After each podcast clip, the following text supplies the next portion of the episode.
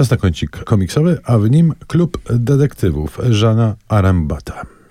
Arambata pisanego przez H, więc pod H należy go e, szukać. To jest rzeczywiście bardzo przyjemny komiks, który spodoba się wszystkim miłośnikom kryminałów klasycznych, ponieważ Klub Detektywów odnosi się do tego rzeczywistego stowarzyszenia, które zrzeszało praktykujących pisarzy y, powieści kryminalnych, oczywiście y, języka angielskiego. Do najbardziej z, znani i lukratywni jego członkowie to oczywiście Gata Christie, czy niejaki pan Chesterton. Y, I to właśnie oni wraz z grupą innych rzeczywistych, autentycznych pisarzy i pisarek są bohaterami tej historii i sama historia ma w sobie i taką kryminalność i metakryminalność, bo no jak mamy autorów y, kryminalnych opowieści, to oni oczywiście będą pewnego rodzaju refleksję na temat kryminału snuć między sobą, ale zarazem sama historia jest czysto klasycznie kryminalna. Oni trafiają na pewną tajemniczą wyspę, Lenietą Wernowską, zaproszeni przez ekscentrycznego gospodarza. Tam jest również pewien robot i ten ekscentryczny gospodarz niedługo ginie. Zostaje znaleziony martwy i od zagadka, kto za tą zbrodnią stoi. Zabawne,